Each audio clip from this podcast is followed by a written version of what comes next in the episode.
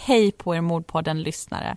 Som ni säkert har förstått vid det här laget så görs den här podden i samarbete med kidsbrandstore.se och det är vi väldigt, väldigt glada för. Ja, och deras webbutik är fullproppad med kläder från välkända märken. Och nu är ju våren på ingång. Äntligen får vi säga, för den här vintern har varit väldigt kall och väldigt lång. Och då blir man lätt sugen på att fräscha upp sin garderob lite. Eller jag blir det och jag tror inte att jag är ensam om det. Och jag känner att man vill få ut alla de där varma och tjocka koftorna och få in lite nya grejer nu. 3000 kronor kan man ju få ganska mycket vårkläder för också och just den summan har du faktiskt chansen att få handla för hos Kids Brand Store om du är med i deras tävling. Och det enda du behöver göra för att delta det är att ladda upp en bild på Instagram och hashtagga den med brandmeup18 och motivera varför just du ska vinna. Glöm inte också att du måste ha ett öppet Instagramkonto så att de faktiskt hittar den här bilden också. Vi tackar Kids Brand Store för det här samarbetet och rullar igång veckans avsnitt.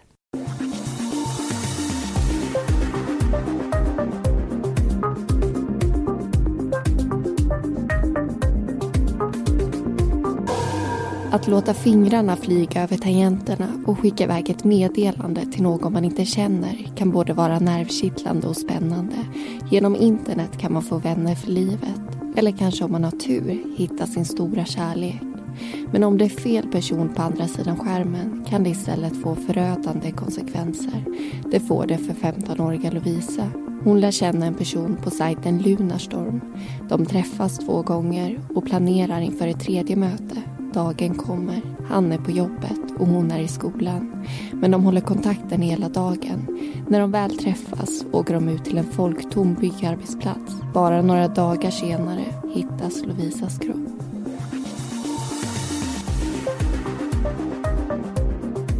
Du lyssnar på Mordpodden. En podcast om den mörka verkligheten. I säsong 6 tar vi upp fall från Dalarna. I veckans avsnitt berättar vi om internetmordet.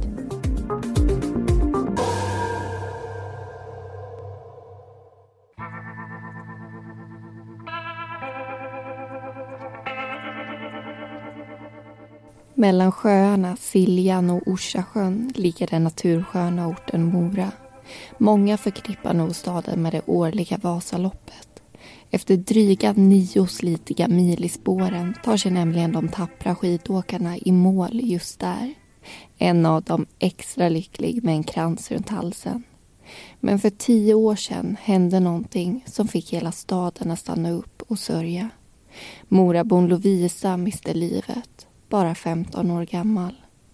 Samma dag kommer en 19-åring hem till sin flickvän. Han ska hjälpa henne att sitta barnvakt. Flickvännen har ingen aning om att Lovisa är död och inte heller att pojkvännen som nu tar hand om barnen är den personen som precis har dödat henne. Dagen därpå går paret på firmafest. 19-åringen säger inte ett ljud om det som har hänt.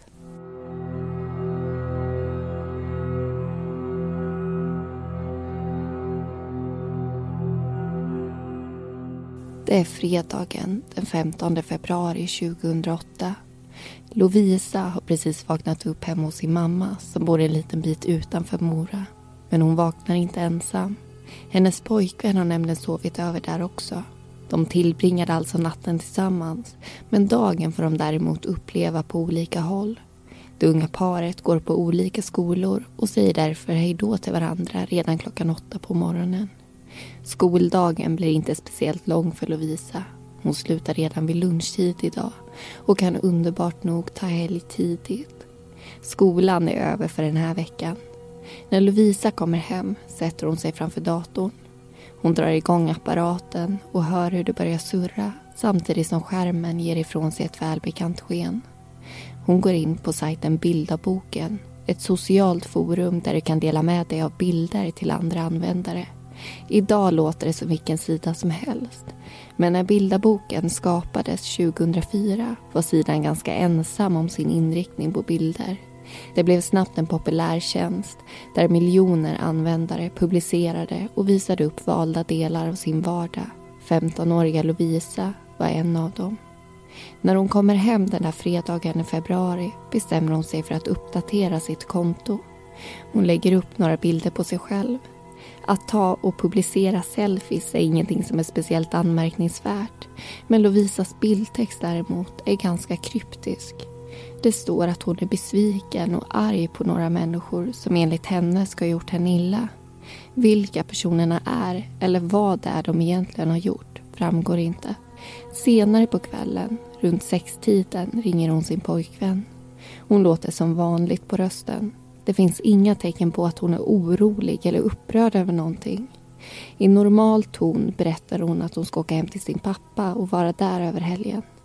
Planen är att hon ska ta bussen dit och att hennes mamma ska skjutsa ner henne till stationen i Mora. Men planen får avbrytas och göras om.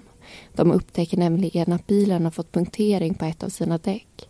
Mamman kan därför inte skjutsa henne utan Lovisa får börja sin resa på en av lokalbussarna som åker in till centrala Mora. Hon säger hej då till sin mamma, lämnar bostaden och ger sig iväg. I Älvdalen står Lovisas pappa och väntar vid busstationen. Redo att träffa sin dotter klockan åtta när tidtabellen säger att hon ska anlända. Bussen kommer, men inte Lovisa.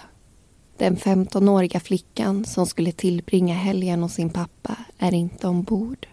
Pappan blir självklart orolig och ringer Lovisas mamma. Men inte heller hon vet var dottern är någonstans. Hon trodde att Lovisa nu var hos sin pappa. Deras första tanke är att hon säkert har åkt hem till någon av sina kompisar. Men efter en rundringning förstår de till sin förfäran att ingen av hennes vänner eller bekanta har något svar att ge. Lovisa är som bortblåst och oron blossar upp med full kraft. Klockan halv elva på lördagsförmiddagen tar Lovisas mamma kontakt med polisen och anmäler sin dotter försvunnen. Det är bara en person som vet var den 15-åriga flickan befinner sig. En person som bestämt träff med henne. Ungdomarna hade fått kontakt med varandra via datorn och nu skulle de ses i verkligheten. Det var inte deras första möte, men det blev deras sista.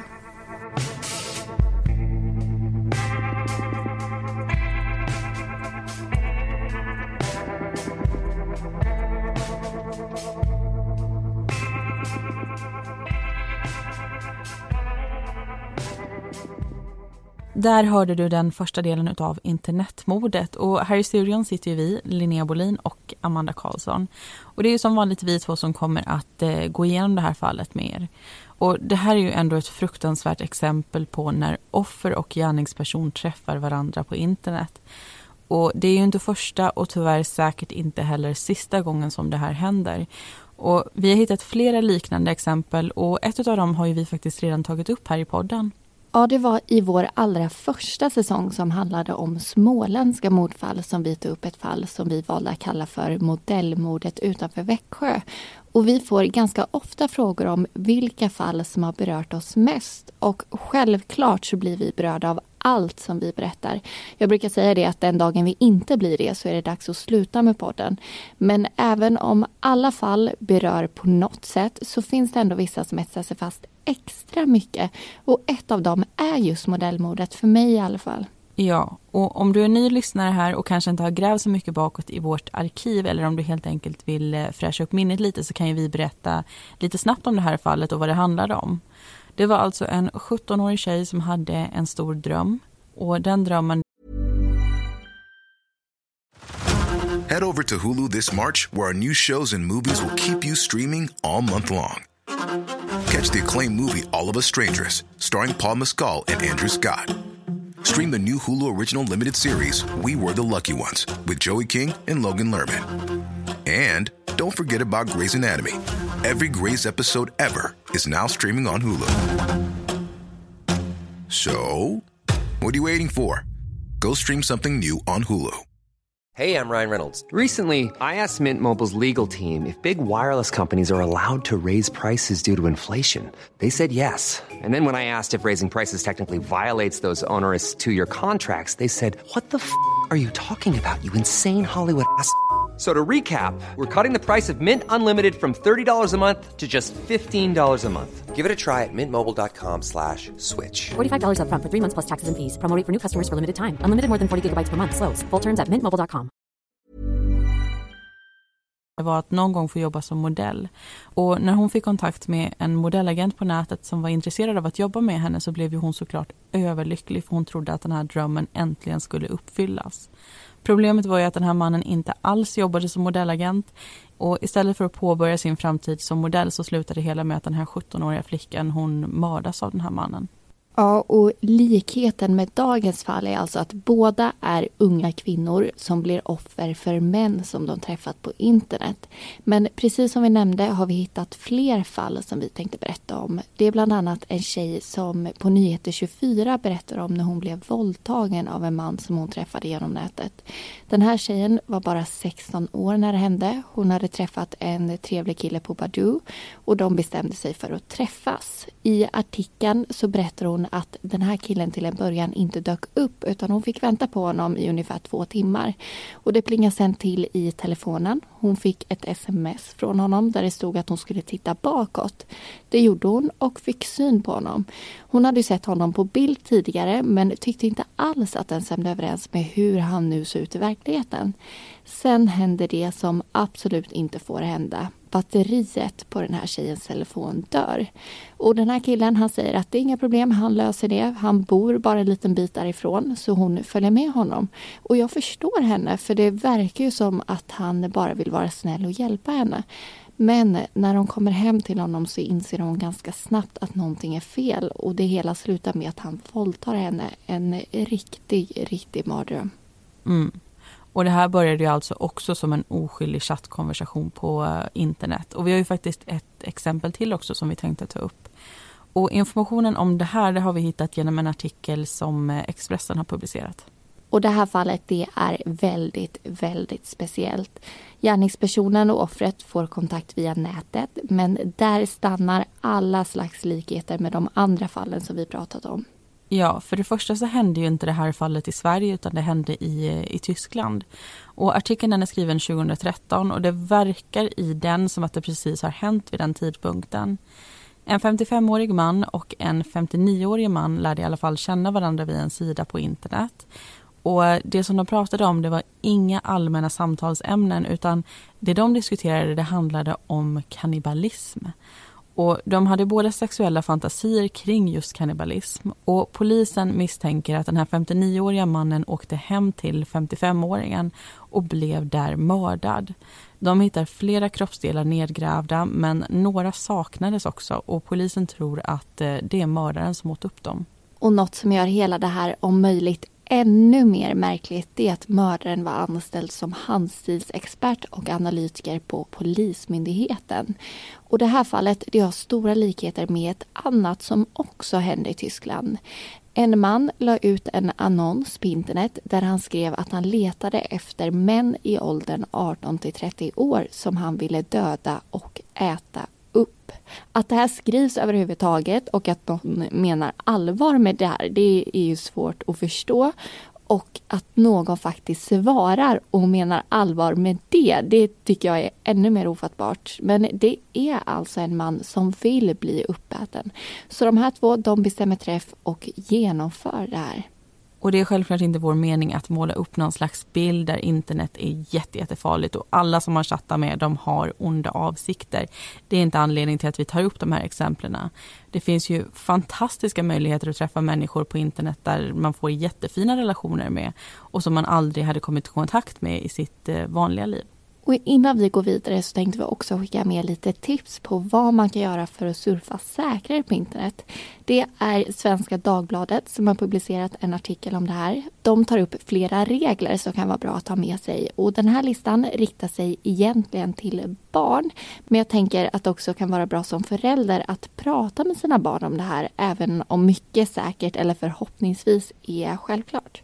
Och de här reglerna de är framtagna av Ecpet som är en ideell förening som jobbar med att stoppa och eh, att förebygga sexuellt utnyttjande av barn. Och vi drar helt enkelt igenom några av de här punkterna tänker jag. Och det första som tas upp det är att man aldrig någonsin ska avslöja sin hemadress eller sitt telefonnummer eller namnet på den skola man går på för någon som man alltså har träffat på internet bara. Skicka aldrig ett foto av dig själv, skicka aldrig kreditkort eller bankuppgifter till någon annan. Ge aldrig någon person ditt lösenord, inte ens din bästa vän. Stäm aldrig träff med någon utan att först ha fått klartecken från din förälder och se till att de också följer med dig på det här första mötet vilket alltid ska äga rum på en allmän plats. Det var ganska många punkter, men det finns några till i den här artikeln. Till exempel är det viktigt att alltid vara sig själv och alltså inte låtsas att vara någon eller något som du inte är. Och kom alltid ihåg att om någon erbjuder dig något som verkar för bra för att vara sant så är det förmodligen det också. Och det här är alltså sånt som man bör tänka på när man surfar. Men med det sagt så är det viktigt att inte skuldbelägga fel personer. För det är aldrig offrets fel. Hade det inte funnits människor som vill andra illa så hade man inte behövt tänka på någon av de här punkterna överhuvudtaget. Och det här blev en väldigt lång diskussion men jag hoppas verkligen att den också gav någonting. Men eh, nu har det också blivit dags att eh, lyssna vidare på berättelsen så det tycker jag att vi gör. För alldeles alldeles strax så ska vi få veta vad som hände med Lovisa.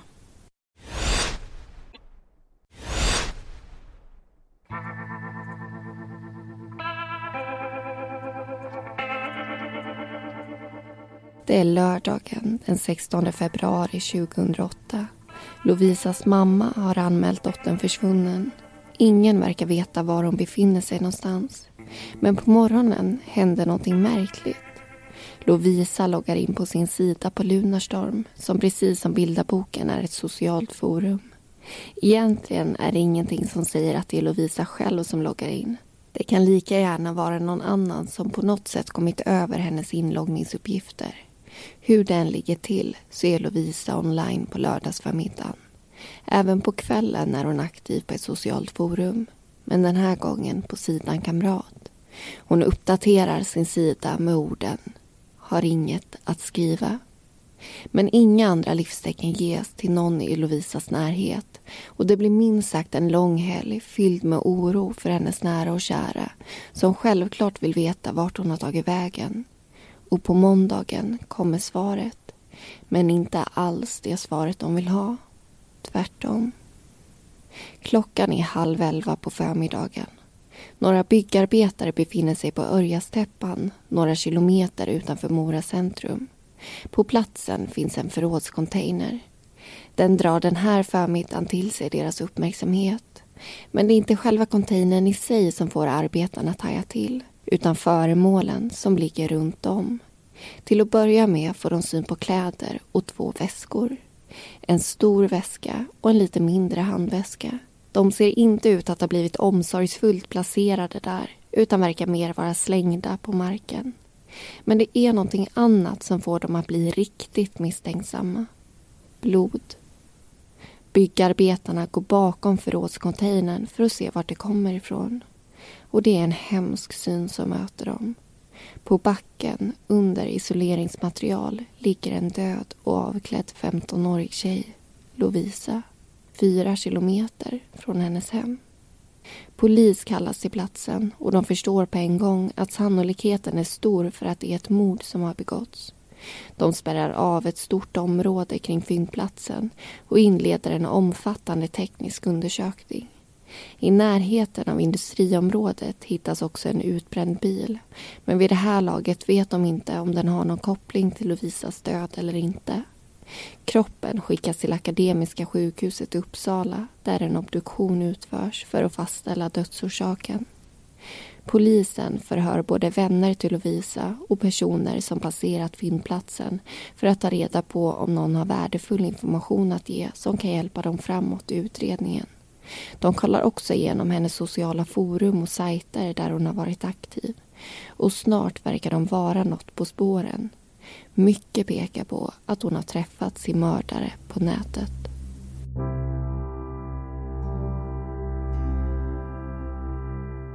Ryktet om vad som har hänt sprider sig snabbt genom Mora och några bekanta till Lovisa åker till Örjansteppan för att hedra hennes minne och visa sin sorg.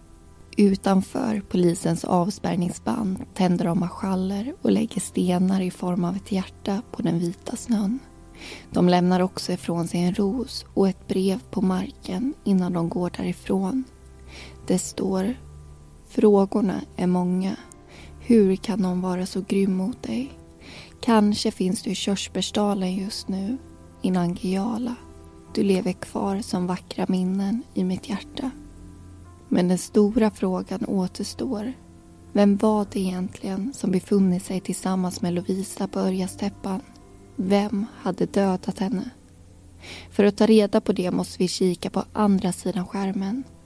Där sitter en person som under lång tid låtit sina fingrar vandra över tangentbordet för att gång på gång skicka iväg meddelanden till Lovisa. Det är en 19-årig man som heter Pontus. Lovisa är inte den enda personen han skrivit med. I själva verket handlar det om 80 till 120 kvinnor. Flera av dem har känt obehag när de pratat med honom. En av dem blev så nyfiken på att se vem han var och hur han såg ut så hon lurade hem honom till sin hemstad. Han dök upp som bestämt men själv bevakade hon honom bara på avstånd. Lovisa och Pontus hade kommit i kontakt med varandra i början av året på sidan Lunarstorm. Det hela började ganska oskyldigt. De chattade som två främlingar men kontakten blev tätare och tätare och efter ett tag bytte de nummer med varandra och började då även hålla kontakten via sina mobiltelefoner. De ringde och smsade nästan varenda dag.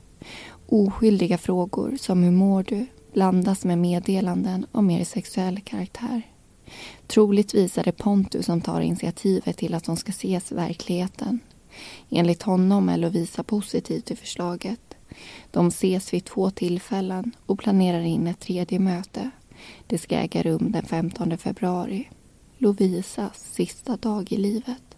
Pontus arbetar som lastbilschaufför och tillbringar den dagen i förarhytten precis som vanligt. Han har blicken på vägen, men tankarna är hos Lovisa. De håller kontakten via telefonen. Han är på jobbet, hon är i skolan. Pontus kör det väldiga fordonet från Mora till Ludvika och lämnar sedan över lastbilen till sin kollega i Borlänge. Han fortsätter sin färd till Falun i kollegans bil. Där hämtar han upp sin egen bil och kör tillbaka till Mora. Under färden har han hela tiden tät kontakt med Lovisa. När han närmar sig blir han guidad av henne så han ska hitta platsen där hon befinner sig. Det gör han och 15-åringen hoppar in i bilen. De åker vidare till en bensinmack. Pontus springer in och köper silvertejp. Lovisa väntar i bilen. Återigen får hon guida honom genom Mora. Hon känner till en byggarbetsplats i Örjastäppan som brukar vara folktom. De åker dit. Där inleder de ett samlag som Pontus menar att de båda var med på. Men någonting går oerhört fel. Av någon anledning verkar Lovisa plötsligt få ont så hon nyper Pontus hårt för att markera att han måste sluta. Pontus som i sin tur tycker själva nypet är oerhört smärtsamt slår till henne. Men Lovisa släpper inte taget utan fortsätter nypas. Pontus reagerar med att ta stryptag runt hennes hals. Han vet inte hur länge han håller men när han släpper taget är den 15-åriga flickan livlös. Hon andas inte. Pontus grips av panik och vill egentligen bara åka därifrån. Någon tanke på att påbörja hjärt och lungräddning finns inte. Inte heller på att ringa efter ambulans eller kalla på hjälp. 19-åringen agerar helt tvärtom. Istället för att försöka rädda hennes liv försäkrar han sig om att hon verkligen är död genom att misshandla henne med tunga stenar.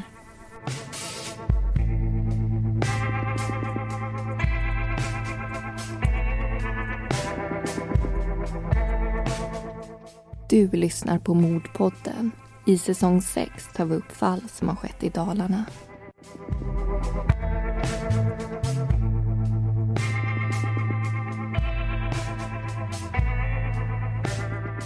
Där hörde vi den andra delen av internetmordet och innan vi hoppar in i den här diskussionen där vi ska berätta lite mer om just dagens fall så tänkte jag att vi också ska ta upp en fråga som vi får nästan varje vecka. Vi tycker ju själva att det här är ganska luddigt så det är lika bra att vi faktiskt försöker reda ut det här i podden och svara på den frågan. För eh, på söndagar när vi släpper våra nya avsnitt, som många av er vet, så är det många som frågar varför de inte kan hitta det i sina poddappar. Amanda, kan du förklara det här lite? Ja men så här ligger det alltså till. Det finns som ni säkert vet väldigt många poddappar och det är nog lätt att tro att vi går in och själva publicerar och ser till att våra avsnitt finns på de här plattformarna. Men så är det inte för på natten mellan lördagar och söndagar, oftast klockan tre, så publicerar vi våra avsnitt hos vår samarbetspartner Radioplay. Och så fort avsnittet är publicerat så finns det att lyssna på på radioplay.se och i Radioplay-appen. Och den går att ladda ner till både iPhone och Android. Och för dig som har iPhone så finns det dessutom redan en podda på telefonen som heter Podcaster som jag vet att många använder. Och om du prenumererar på vår podd där så ska det nya avsnittet automatiskt ladda ner till din telefon samma stund som det publiceras. Men här så slutar vår kontroll kan man säga för det är en sak att prenumerera på podden i Podcaster och en annan sak att leta efter den där. För om du söker efter Mordpodden och inte prenumererar så tar det i regel alltid lite tid för avsnittet att dyka upp. Och det här det är en väntetid som vi själva inte styr över och som vi inte alls kan kontrollera. Ibland tar det någon timme och i värsta fall några dagar till och med. Och det är först när avsnittet har blivit sökbart på iTunes och i Podcaster som det också börjar dyka upp i de andra apparna. Så om det nu är så att du inte hittar våra nya avsnitt i den appen som du använder dig av så är vårt tips att antingen ha lite tålamod eller börja prenumerera på podden i Podcaster eller lyssna via Radioplay. För det är alltså där som våra nya avsnitt dyker upp absolut snabbast. Och det här det kanske var krångligt. Jag känner att jag fick ta ett långt andetag nu och det kanske är tråkig information men eftersom vi får så himla många frågor om just det här så kände vi att det var dags att förklara hur det ligger till. Och jag hoppas att det var till lite hjälp i alla fall för det är knappt att vi själva förstår hur det här egentligen fungerar. Men det här är väl ja, men så bra som vi kan förklara det i alla fall. Ja, och vi hoppas också att det här faktiskt hjälper er som har frågat frågor om det här. Men eh, nu tycker jag att vi pratar om eh, någonting annat. Vi har ju fått några punkter att ta upp som gäller just det här fallet. Och eh, när vi gjorde vår research så hittade vi faktiskt ett avsnitt från Efterlyst som handlade om, om just det här mordet. Och det var ett väldigt intressant avsnitt och vi tänkte prata lite om vad man faktiskt får se i, i det här tv-programmet. Och i det här fallet så finns det ju inga direkta vittnen och Lovisa själv kan såklart inte berätta vad som hände och det innebär att det bara är Pontus version av den här tragiska händelsen som rätten har att ta ställning till. Och genom teknisk bevisning och obduktion kan man såklart till viss del Head over to Hulu this March, where our new shows and movies will keep you streaming all month long. Catch the acclaimed movie All of Us Strangers, starring Paul Mescal and Andrew Scott. Stream the new Hulu original limited series We Were the Lucky Ones with Joey King and Logan Lerman. And don't forget about Grey's Anatomy. Every Grey's episode ever is now streaming on Hulu. So, what are you waiting for? Go stream something new on Hulu. Ta reda på om det stämmer. Men det är ändå bara han som kommer till tals. Men i det här avsnittet av Efterlyst så intervjuas både Lovisas mamma och bonusmamma. Och de två som faktiskt kände Lovisa och vet hur hon var som person tror inte att hela hans version stämmer. Nej. Och vi nämnde ju berättelsen att Pontus han stannade och köpte silvertejp på en mack. Och enligt honom så gick ju Lovisa med på att binda ihop både armar och ben och också få tejp framför munnen. Men eh, det är ju någonting som hennes mamma och hennes styvmamma inte tror på. Det stämmer nämligen inte överens med hur Lovisa var som person överhuvudtaget. Och de berättar i Efterlyst att de tror att Pontus har använt den här tejpen efteråt eller under mordet utan dotterns medgivande. Och i det här avsnittet så får man även se en video från polisens rekonstruktion av mordet. Man får då se Pontus som sitter i bilen bredvid en docka som ska föreställa Lovisa och berätta om vad som hände samtidigt som man då visar.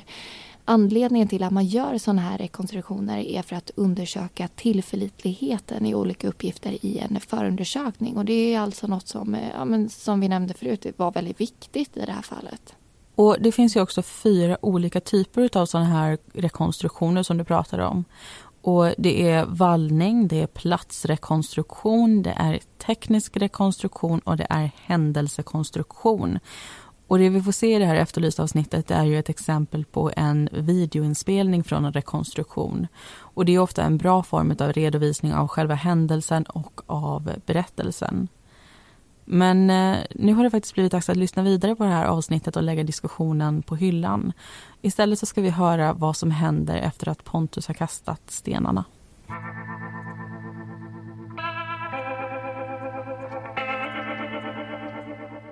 Efter att Pontus har misshandlat Lovisa och försäkrat sig om att hon verkligen är död går han tillbaka till bilen och kastar ut alla kläder och saker bredvid förrådscontainern där han också placerar hennes kropp. Han lämnar platsen och Mora åker till sin flickvän i Enviken och hjälper henne sitta barnvakt. Efter att polisen har gått igenom Lovisas dator och hennes sociala nätverk förstår de ganska snart att Pontus mycket väl kan vara personen de letar efter. 19-åringen grips och mycket i den tekniska utredningen visar också att sannolikheten är stor. Lovisas blod finns bland annat på Pontus sko och på brottsplatsen hittas en kondom med DNA-spår från både honom och henne. På Lovisas kläder finns dessutom bitar av använd silvertejp och man hittar också blodiga stenar. Än så länge verkar alltså Pontus berättelse stämma. Men Lovisas telefon hittar de inte så den får polisen tyvärr ingen hjälp av. Trots att mycket av det som Pontus säger verkar vara sant finns det en detalj som han verkar ljuga om. Han påstår själv att han bara använde sina händer när han tog strypgrepp runt Lovisas hals.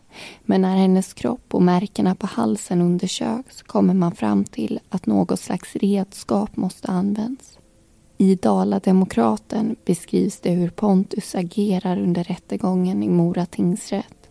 Han undviker att ha ögonkontakt med åhörarna. För det mesta låter han istället blicken fokusera på bordet framför sig. Att säga att orden kommer flödande ur honom vore att ljuga. De kommer istället stötvis från hans mun och han pratar lågt och kortfattat. Han håller fast vid sin historia och berättar att han hämtade upp Lovisa i Mora efter sin arbetsdag den 15 februari. De åkte till byggarbetsplatsen på Örjastäppan. Lovisa fick ont och istället för att göra någonting åt det reagerade Pontus med att ha strypgrepp runt hennes hals. Han berättar att hon helt plötsligt bara var livlös och att han fick panik. Han trodde att hon var död men var inte helt säker. Enligt honom tänkte han att hon skulle få en utdragen och plågsam död i kylan om man bara lämnade henne. Så han tog beslutet att misshandla henne med stenarna för att göra slut på lidandet. Men åklagaren är skeptisk. Han tycker det är märkligt att Pontus inte påbörjade hjärt och lungräddning. Åklagaren ställer frågan om det inte kan vara så att hon efter strypningen fortfarande var vid medvetande och försvarade sig och att Pontus i själva verket använde stenarna för att få henne att sluta. Men Pontus nekar till det och förklarar sitt märkliga beteende med att han drabbades av panik. Både Pontus själv och den tekniska bevisningen tyder på att det var han som dödade Lovisa. Men då kommer nästa fråga. Handlar det om mord eller dråp. Pontus säger själv att han handlade i ren desperation efter strypningen. Men hans beteende tyder tvärtom på att han övervägde sitt handlande ganska noga. Han tog god tid på sig att klä sig, dra bort silvertejpen, dra ut Lovisa från bilen, överväga betydelsen av det kalla vädret, kasta ut hennes tillhörigheter och kasta undan stenarna. Med hänsyn till bland annat det och den förfärliga misshandeln med stenarna anser tingsrätten att gärningen inte kan bedömas som något annat än mord. Enligt den rättspsykiatriska undersökningen lider inte Pontus av en allvarlig psykisk störning. Han är kroppsligt frisk sedan tidigare och har inte haft någon psykiatrisk kontakt eller missbruksrelaterad problematik. Däremot har han sedan tonåren visat upp en känslomässig omognad och ett antisocialt beteendemönster. Han har en bristande känslomässig förmåga till medkännande. Hans känslokalla och obegripliga handlande vid brottet och hans nästintill oberörda uppträdande under rättegången understryker det som den rättspsykiatriska undersökningen kommer fram till. I domen ifrågasätts det om han verkligen själv förstått innebörden av det fruktansvärda han har gjort sig skyldig till. Om Pontus hade varit 21 år när han mördade Lovisa hade han dömts till livstidsfängelse. Men nu var han bara 19, så påföljden blir istället 10 års fängelse. Domen överklagas till Svea hovrätt som ändrar den till 9 år. Internet är fantastiskt på många sätt och vis. Det gör oss smartare genom att ständigt förse oss med information. Det hjälper oss att sprida viktiga budskap. Det underlättar för oss om vi vill behålla kontakten med våra gamla vänner och även bekanta oss med nya. Men det finns också en stor baksida. En baksida som gör det lätt för människor att utge sig för att vara någon de inte är. Att ljuga om sina avsikter och att komma i kontakt med någon som på skärmen verkar besitta goda egenskaper men som i verkligheten gör hemska saker. Lovisa var en av de ljusa och fina själarna som på grund av otur fick ta del av internets allra mörkaste sida.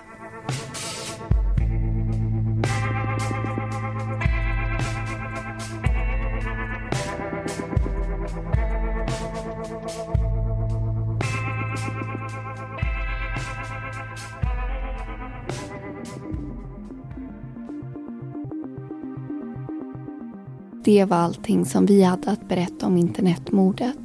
Alla personer i berättelsen heter egentligen någonting annat och informationen är hämtad från domarna i fallet och artiklar.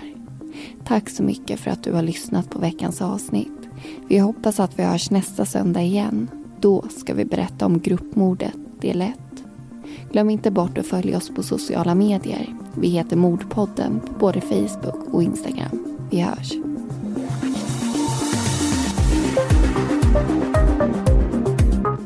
Du har lyssnat på Mordpodden. Vi som har producerat den heter Amanda Karlsson och Linnea Bolin.